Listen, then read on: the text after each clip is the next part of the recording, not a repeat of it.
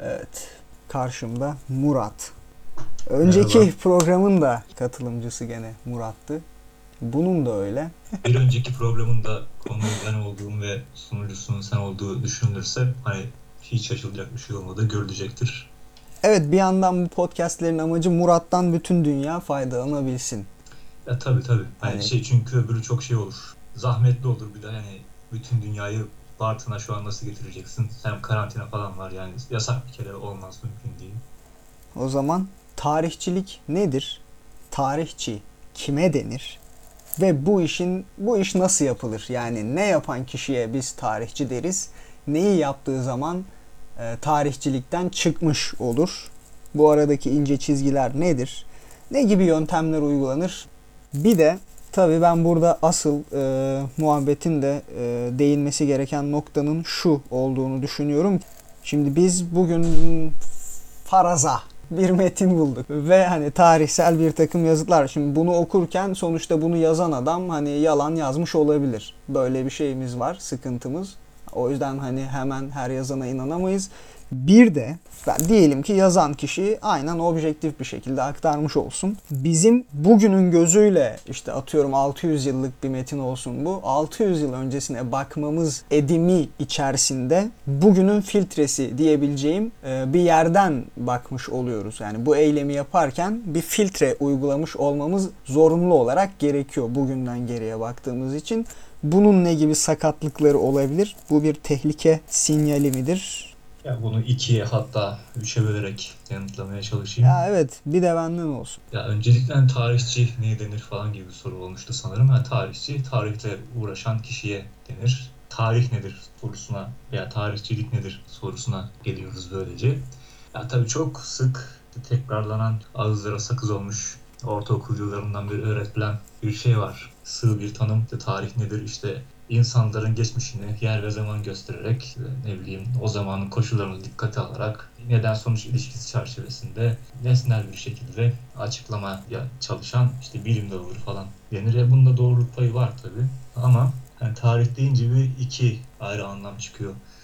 Yıllar önce işte e, lisansta felsefe bölümünden bir ders almıştım tarih felsefesi diye. Felsefe bölümünden olduğu için ikinci haftadan sonra dersten hiçbir şey anlamamaya başlamıştım. O ayrı bir konu. Ama işte an, aklımda kalan bir şey vardı. O da ilk derste anlatılmıştı sanıyorum. İki ayrı anlam çıkıyor. Bunlar tarih deyince. Buna Latince'de res geste ve Historia rerum gestarum adı verilen iki şey bunlar. Hani res geste dediğin şey tarih denince anlaşılan geçmiş. Yani bizatihi geçmiş, geride bırakılmış olan şeyler. Historia rerum gestarum ise Tarih yazımı. Yani bu geride bırakılan şeyler üzerine yorum yapma, araştırma eylemi. Bu anlamda hani tarihçilik dediğimiz şey hani tarih üzerine araştırma yapmak gibi bir şey oluyor. Bunun bazı metotları var ki malum tarih denilen disiplin üniversitelerde öğretiliyor. Tarih bölümleri var ki işte bu da aslında meslek öğretmeye yönelik bölümlerden biri. Aşağı yukarı hani kabaca her üniversite bölümünün görevi bu aslında. Her ne kadar üniversitenin görevi bilimsel bilgi üretmek, bilimsel araştırmaya katkıda bulunmak olsa da işin istihdam boyutları var. Ayrıca bilimsel araştırmayı yapmak için önce bunun nasıl yapılacağını öğrenmek gerekiyor falan. Ve bunu yapabilmek için maddi bir kaybı duymaması gerekiyor. Bu da bu işten para kazandırmayı gerektiriyor. Hani işin ideali bu yani en azından. Bu ideale yaklaşılmadığı Türkiye'de açıkla. En azından kağıt üzerinde de olsa bu böyle.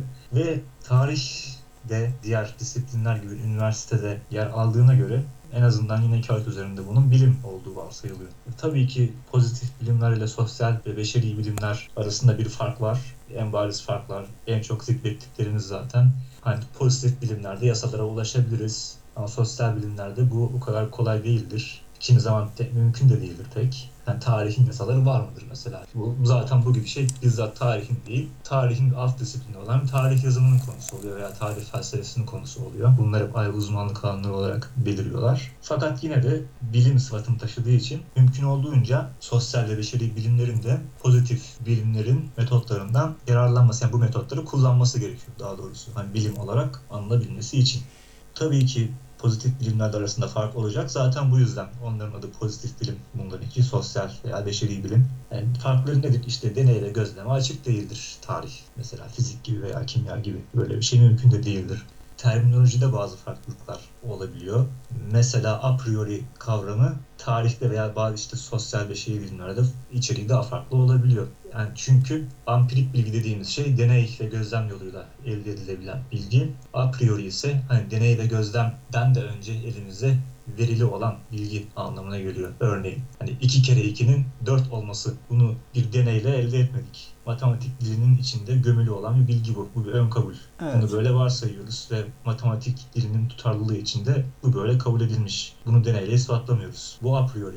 Ampirik bilgi dediğimiz şey doğrudan gözlem sonucu elde ettiğimiz bilgi. Fakat tarih söz konusu olunca a priori ve ampirik bilgi aynı anlama geliyor. Tamam e, a priori deneysiz gömülü elde edilmiş verili bilgi oluyor ama tarih söz konusu olunca ampirik bilgi de bundan farklı değil. Elimizde işte kayıtlar olur vakaların kayıtları olur. Çeşitli süzgeçlerden geçirerek bunun gerçekten olduğu sonucuna ulaşırız. Ve bu şekilde ampirik olur. Burada ampirik denilen şey gerçekten olmuş anlamına gelir. Hani deney sonucunda da gerçekten olmuştur. Tarihte geriye bakıp bilimsel nitelikteki süzgeçleri kullanıp sonuca ulaşırsan da var olduğunu görürsün. Bu açıdan yani sosyal bilimlerde böyle küçük bir terminolojik farklılığın olduğunu görüyoruz. İşte en azından bu bağlamda bu ampirik ve a priori bağlamında. Evet. Metod. Şundan evet metodolojiden bahsedebiliriz. Ee, veya hani şunu da belki onunla beraber cevaplayabilirsin. Ee, bu Murat Belge'nin Edebiyatta Ermeniler kitabının ön sözünde şu tarz bir şey vardı. Hatta şuradan hemen bulabilirsem.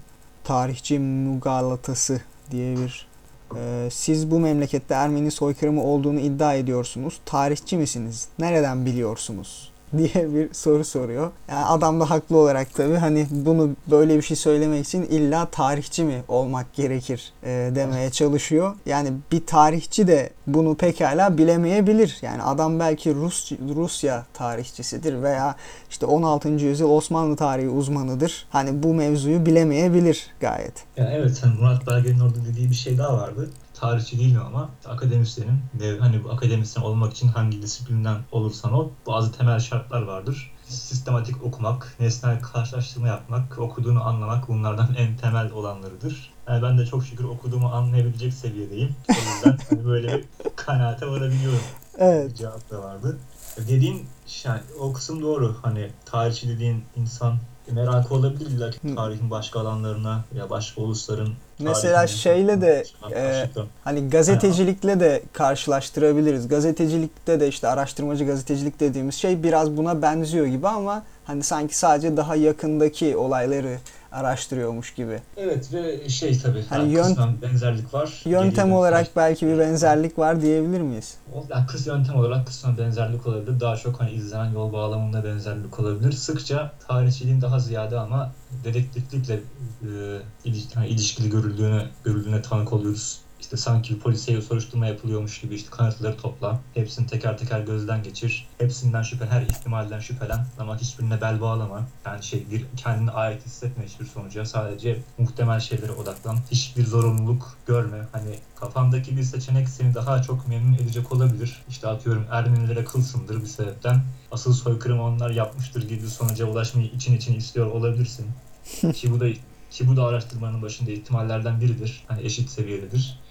Ama hani bakarsın ki öyle değilmiş. Seni memnun etmeyecek bir sonuç ortaya çıkmış olmuş yani. Burada hani eğer kaynakları senin işine gelecek şekilde kurgulayarak, kesip biçerek, kimisini hiç, yokmuş gibi davranarak veya belge sadece senin elindeyse onu imha ederek istediğin sonuca ulaşmış görünür ve kamuoyuna bunu bu şekilde sunabilirsin. Bu tarihçilik değildir. Bundan da sanıyorum işte tarihçiliğin ne olup olmadığına gelmiş olduk. Evet. Yani çünkü yani bilimsel bir disiplin olarak ele aldığın zaman bazı bilimsel metotları izlemen gerekiyor. İşte bunlardan başlıcaları işte çapraz okuma.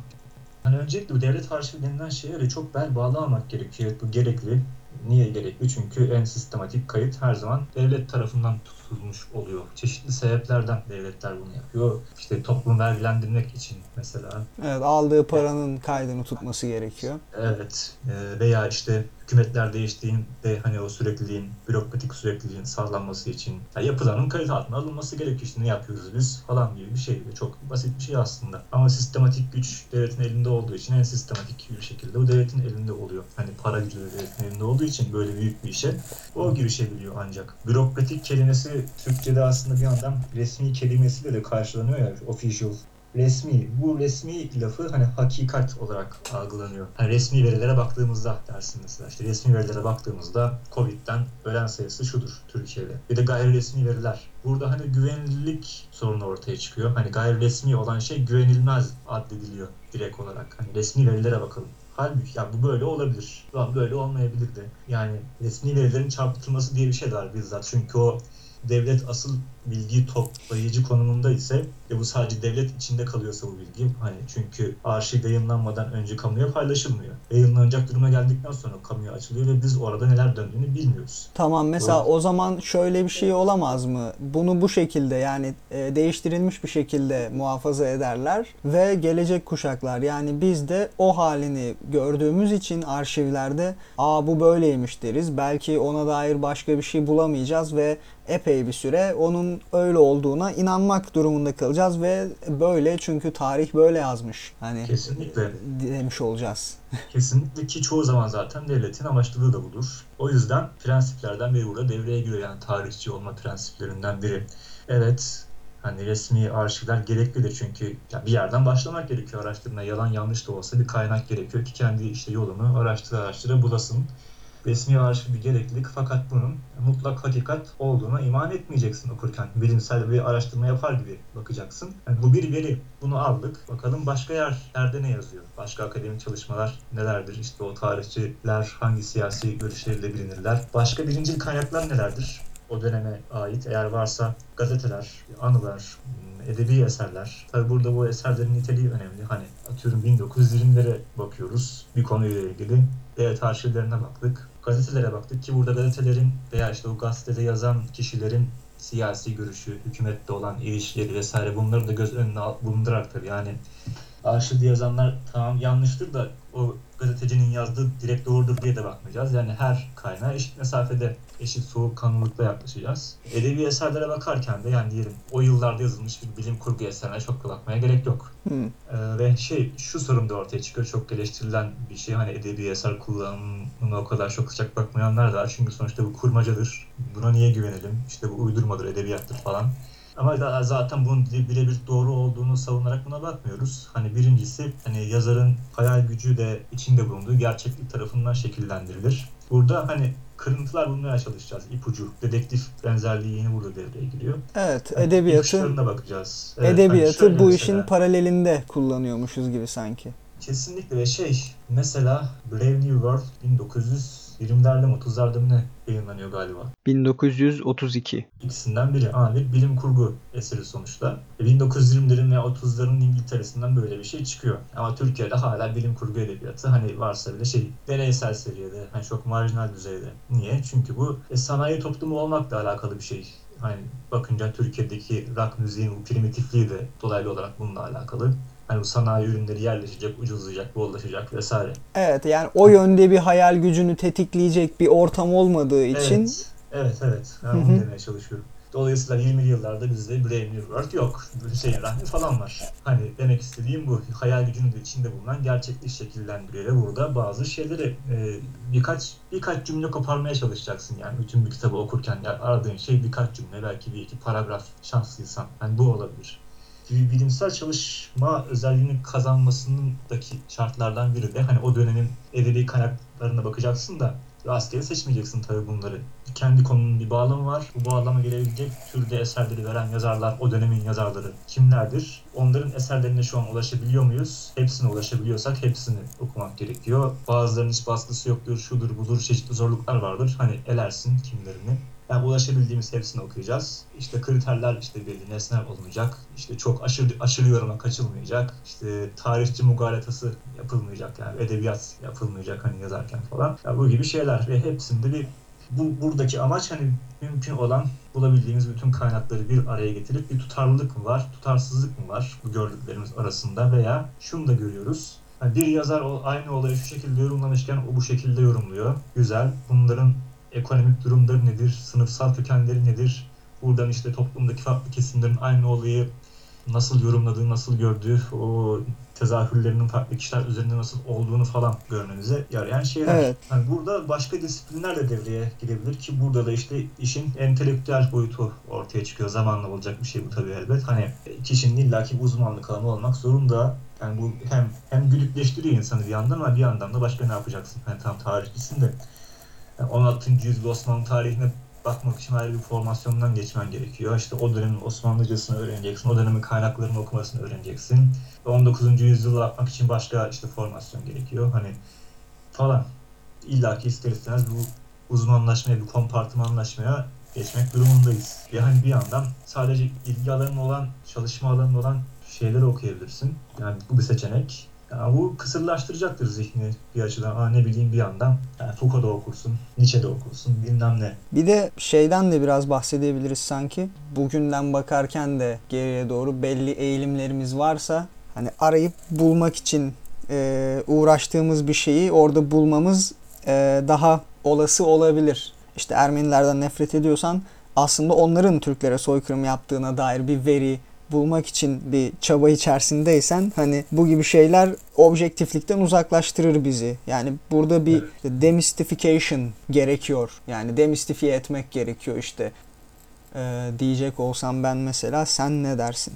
E tabii de bu işin başka bir boyutu bu işte küçük yaştan itibaren aşağı yukarı bütün devletler işte insanların böyle bir tornadan geçirme eğilimindeler. Yani burada amaç ilkokulda falan itibaren hakiki tarih bilgisini kitlelere vermek değil. Tam tersinde işte bir milli bilinç uyandırmak, işte bir kitle yaratmak. Hani aynı şekilde düşünen yığınlar yaratmak olduğu için amaç. Hani burada doğruluk falan çok önemli değil. Ha nedir? İşte Ermeni Türk diyoruz madem ondan gidebiliriz. Hani hakikaten soykırım Ermeniler yapmış olsun diyelim. Hani Türkler soykırıma uğramış olsun.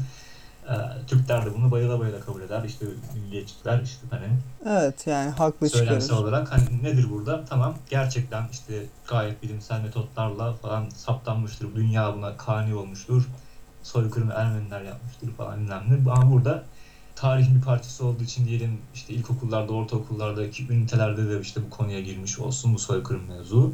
Peki bu hangi dilde nasıl anlatılacak? Tarihi bir fact olarak mı? Yoksa işte zaten bu Ermeniler puştur, bizim tarih düşmanlarımızdırlar. Hani onlar bizi kırdı. Hani vakti gelince biz de onları kıracağız gibi bir şey dersen bu tarih, bu da tarihçilik olmaz. Yani bu propaganda olur, siyasetin malzemesi olur. Evet. Yani aradaki fark bu. Hani kimin soykırım yaptığı falan gibi bir şey değil veya soykırım biz yaptık. Bunu kabul edebilirsin. Yaptık evet. İyi ki de yaptık. Az bile öldürdük falan.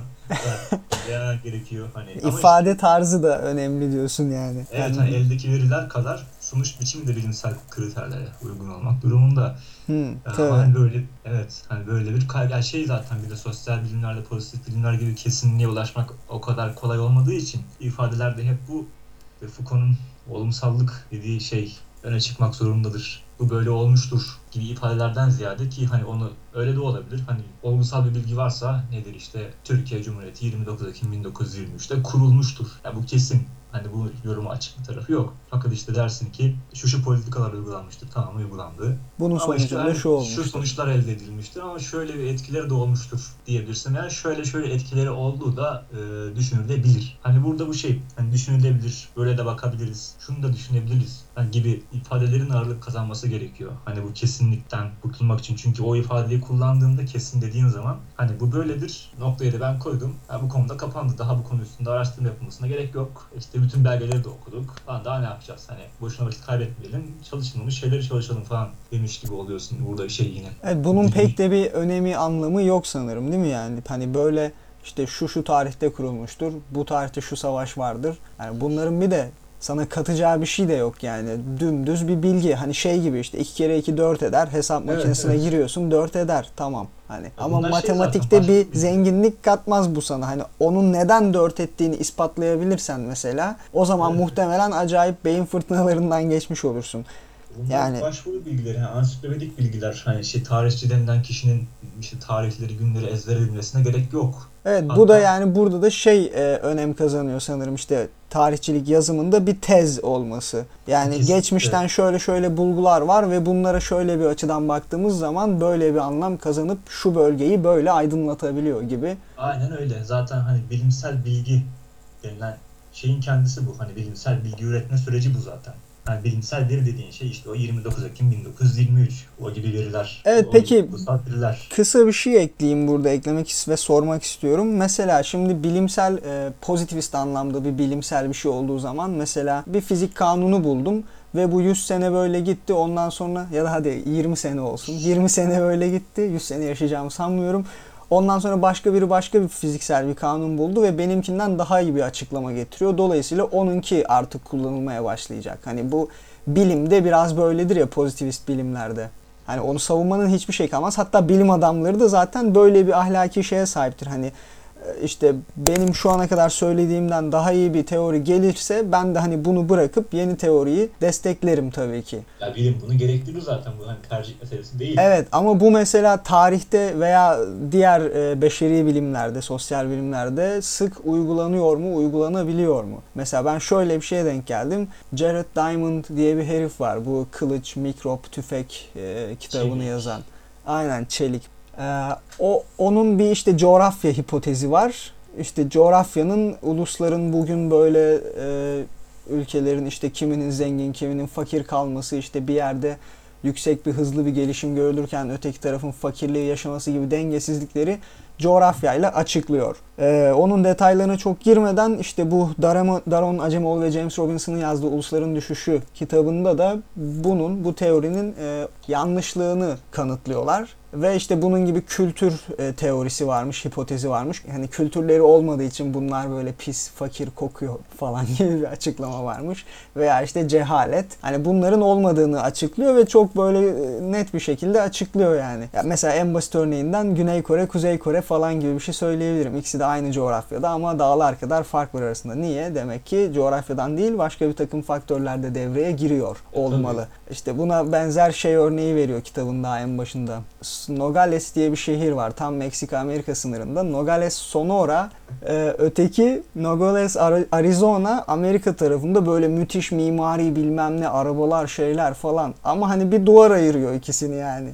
Hani burada nasıl bir coğrafya e, faktöründen söz edebiliriz gibisinden. Neyse şuraya gelmek istiyordum ama şimdi baktığımız zaman iki kitap da hala piyasada. Hani Jared Diamond'ın kitabı da hala basılıyor. Öteki kitap da hala basılıyor ama halbuki birisi diğerini ciddi hani radikal bir şekilde e, ekarte etmiş gibi.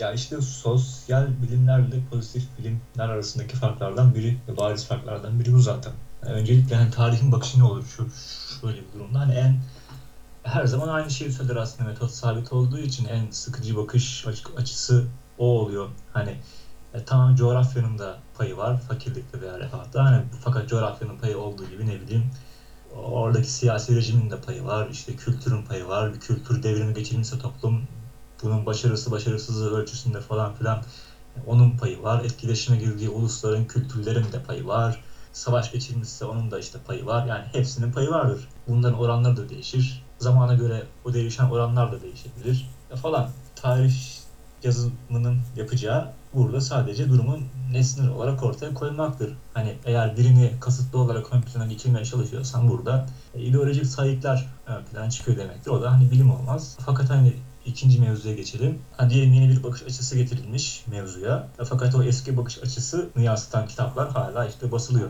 Onu ne yapacağız? Hani pozitif bilimde işte böyle şey olmaz. Hani şey bir hastalığın tedavi biçimi geliştiyse artık hani onun üzerinden gidilir. Hani mesela eski hakkında o yayınlar yapmaya gerek yok. Çünkü hani o artık battal olmuş, kadük kalmış, hani çalışmıyor hani o. Gerek yok çünkü. Ya sosyal bilimde işin bir şey boyutu oluyor hani tefekkür boyutu mu diyelim ne diyelim işte o kişi o, o açıdan bakıyor olaya. Hani o öyle yorumluyor. Hani o noktadan sonra tarih falan olmaktan ya tarih üzerinden gidiyoruz diye. Yani tarih olmaktan çıkıp iş adamın o dünyaya felsefi bakışı, arayışı falan gibi bir şey olarak değerlendirebiliriz. Hani yok yok coğrafya önemlidir bak ben size ispatlayacağım bir de şimdi Meksika üzerinden bakacağım falan diye hani yeni bir kitap yazmaya girişebilir. Hani o, o dürtüsü sabit kalabilir yani. Biraz da hani zihinsel bir arayış boyutu için. E, peki buna ama karşı ne diyeceksin? Hani yanlış bir kitap işte halkımızı zehirliyor, yasaklansın, yakılsın bu adamın kitapları mı diyeceksin? Yani- Birisini başka bir yere götürür. Öyle bir şey denmez tabi de hani en azından o adamdan aa lan bak enteresan bir fikir gelmiş karşı fikir. Hani belki de ben bu kitabı ne bileyim hani basımdan geri çekeyim falan ya bilemiyorum hani. Ha, orada tabii şey yani e, en ne diyelim en nesnel şekilde o kitaplardan nasıl yararlanabilir? Hani bir konu çalışacaksan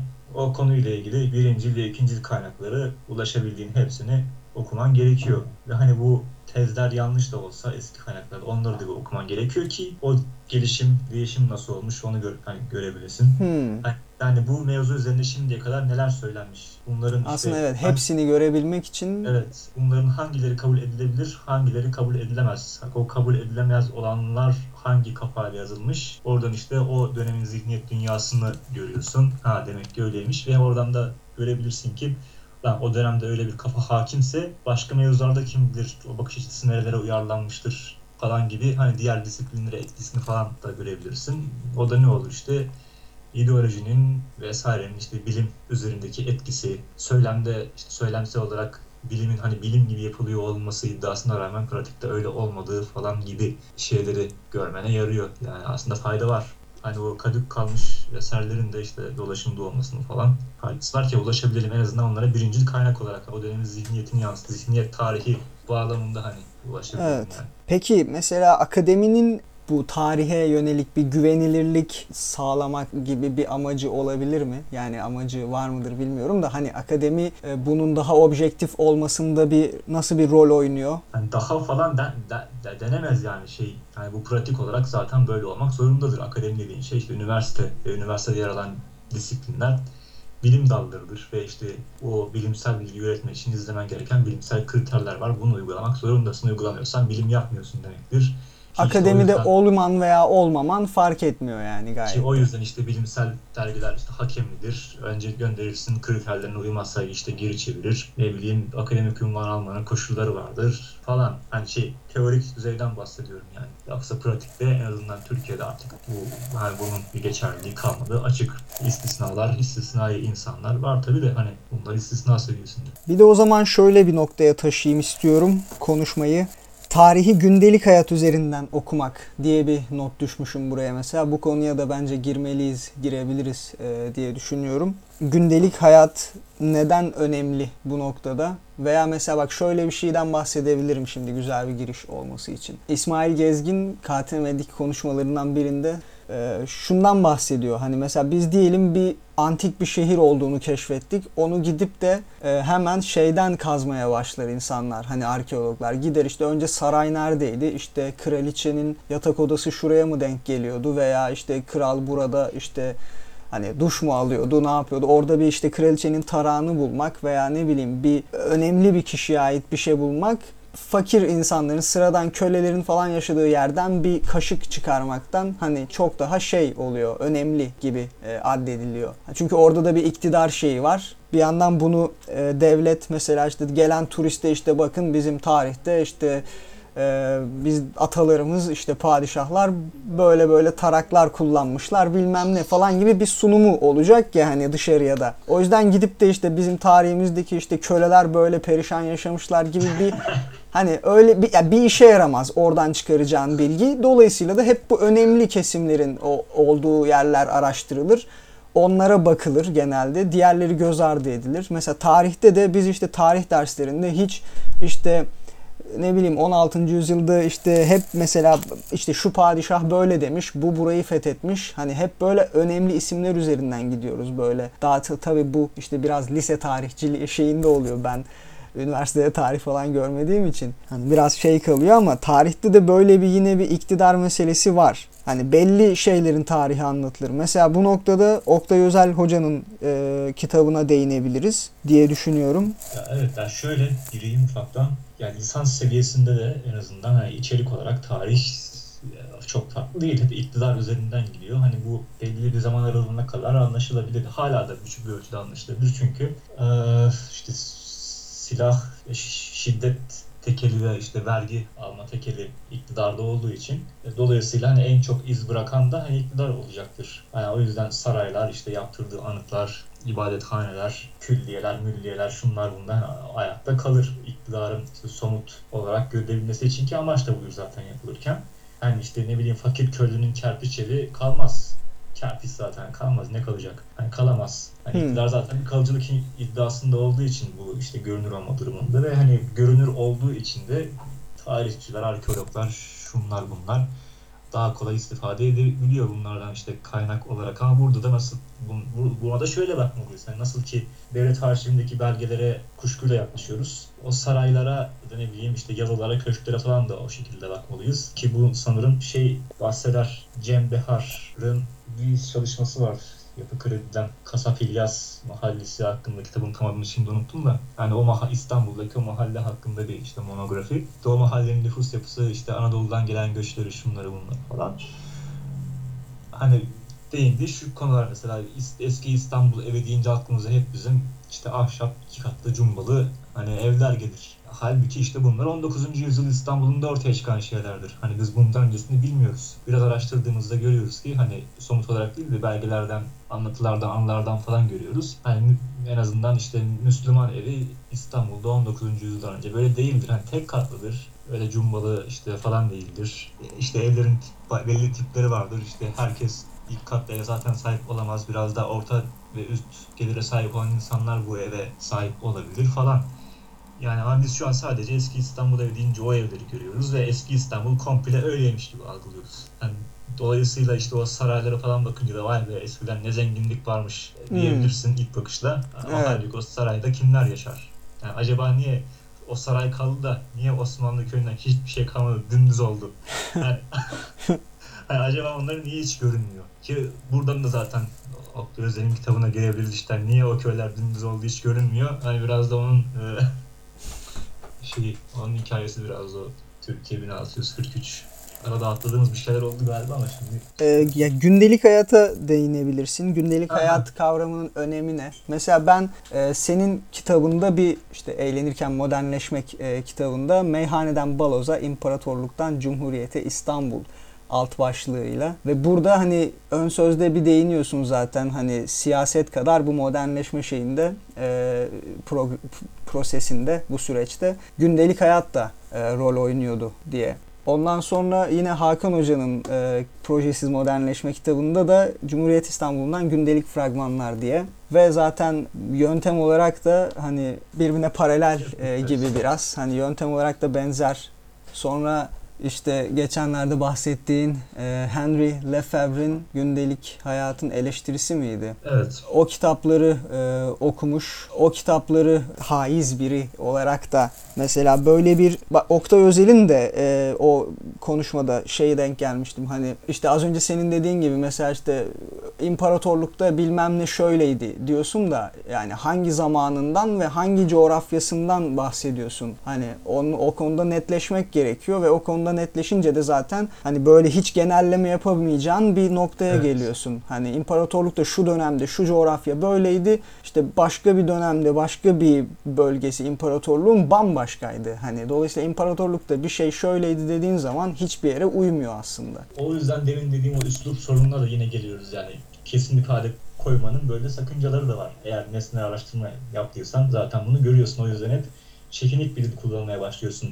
Şu dönem için en azından şu şu tarihler aralığında şu bölgede şöyle bir fenomenin olduğundan bahsedebiliriz. Şimdiye kadar okuduklarımdan hareketle. Hani Evet. demek gerekiyor yani. yani çekinikle aramak gerekiyor. Yani gündelik hayat mevzusuna dönecek olursak ya ben o zaman daha işte tabii okumamıştım veya işte öyle teorik bir şeyler okumamıştım gündelik hayata dair. Onu yazarken zaten kitabın teorik bir yanı da yok. İşte o zaman çünkü bende öyle bilgiler yok, öyle bakış açısı yoktu ama hani şey yine temeldeki dürtü yine aynıydı. Ya hani bana sanki şöyle geliyor. Gündelik hayat üzerinden bir okuma yaptığın zaman işte Oktay Özel'in de yine o konuşmasında değindiği gibi daha böyle sanki bir tarihçinin gözünden bakıyormuşsun gibi değil de işte yani mesela hem pozitivist bilgilerden e, yararlanıp hem mesela o, o kitapta işte 1643 Türkiye'de e, işte bir takım mektuplar var, el yazmaları var. Hani işte vergi kayıtları falan bu gibi şeyler hani bu gibi pozitivist yani materyal o zamandan kalmış vergi kayıtlarıdır bilmem nelerdir. Bunlardan da faydalanıp veya ne bileyim bir kişinin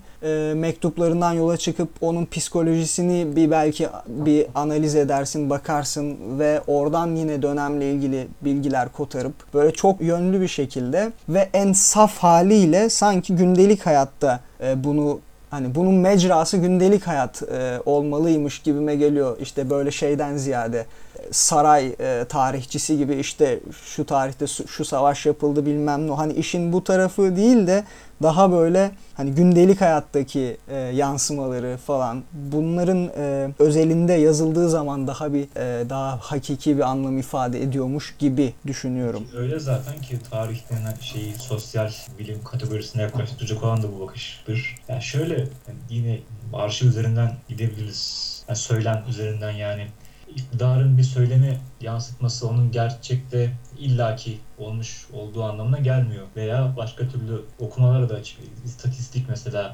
gerçeği yansıtsa bile işte bir köy ne bileyim okul yapılıyor diyelim. Seferberlik var işte kalkınma hamlesi falan. İşte şu şu köylerde okullaşma oranı %100 arttı. Bu ne demek? Ya belki şey sıfır okul vardı bir okul yapılınca %100 arttı diye bir gerçekliği var. Bunun bir anlamda yani. Direkt hani o köy açısından baktığında %100 deyince büyük bir ilerleme işte kalkınma hamlesi aydınlık falan görüyor olabilirsin ama hani köyden baktığında o sefaleti de görebilirsin. O devletin büyük söyleminin ardında aslında büyük bir ekonomik yetersizlik var. Veya gittin köye baktın işte diyor ki sana %100 işte okullaşma oranında artış. Köye baktım işte siktirip bir okul kerpiçten. hiç okul hiç okul yokmuş. Bir tane yapmışlar. %100 artış olmuş. Yapamadı. Hani öğretmen yok. Hani resmi söyleyen baktığında öyle bir manzara görüyorsun ama işte gündelik hayattan baktığında öyle bir manzara görüyorsun. Lefebvre'nin söylemi biraz daha şey o daha eleştiri babında o sanayi toplumunun e, işte gündelik hayatı nasıl örgütlediği işte insanların aşağı yukarı işte bir çerçeveye hapsolduğunu ve işte adına sosyalist densin, kapitalist ne derse densin mühim olanın hani devletin koyduğu etiketlerden ziyade pratikte yaşanan olduğu ve işte gündelik hayatında bunlar üzerinden okunması gerektiğini işte e, öne sürüyordu. E çünkü yani devlet bir karar alabilir. İşte şapka kanunu çıktı diyelim. Ertesi gün herkes şapka giydi mi? Herkes bunu içselleştirdi mi?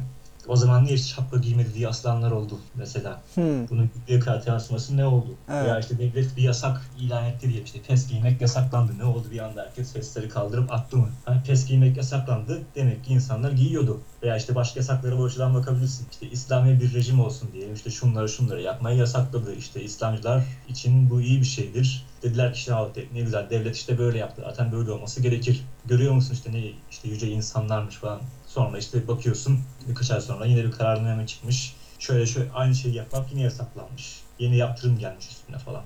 Demek ki diyeceksin ki hani eleştirel okuma zaten bu. E Demek ki insanlar o yasağı işte aldırış etmiyorlar. Bir şekilde yapmaya devam ediyorlar ki devlet bunu tekrar tekrar yasaklama ihtiyacı duyuyor. Zaten gündelik hayat külliyatı da böyle böyle oluşuyor. Mesela işte şey vardır bir de Michel de Certeau diye bir herif var. Onun da iki ciltlik gündelik hayatın keşfi diye işte kitabı var. Strateji ve taktik kavramlarından bahseder. İşte strateji devletin kendi görüşünü yaymak için işte giriştiği büyük projelerdir. Taktik ise anlıktır. Yani devletin sunduğu zeminde gerçekleşir ama insanların kendini devletten yaptırımlarından korumak için başvurdukları işte küçük yeniliklerdir. Hmm. Hani ne bileyim İran'da içki yasak. İçki içilmiyor mu İran'da?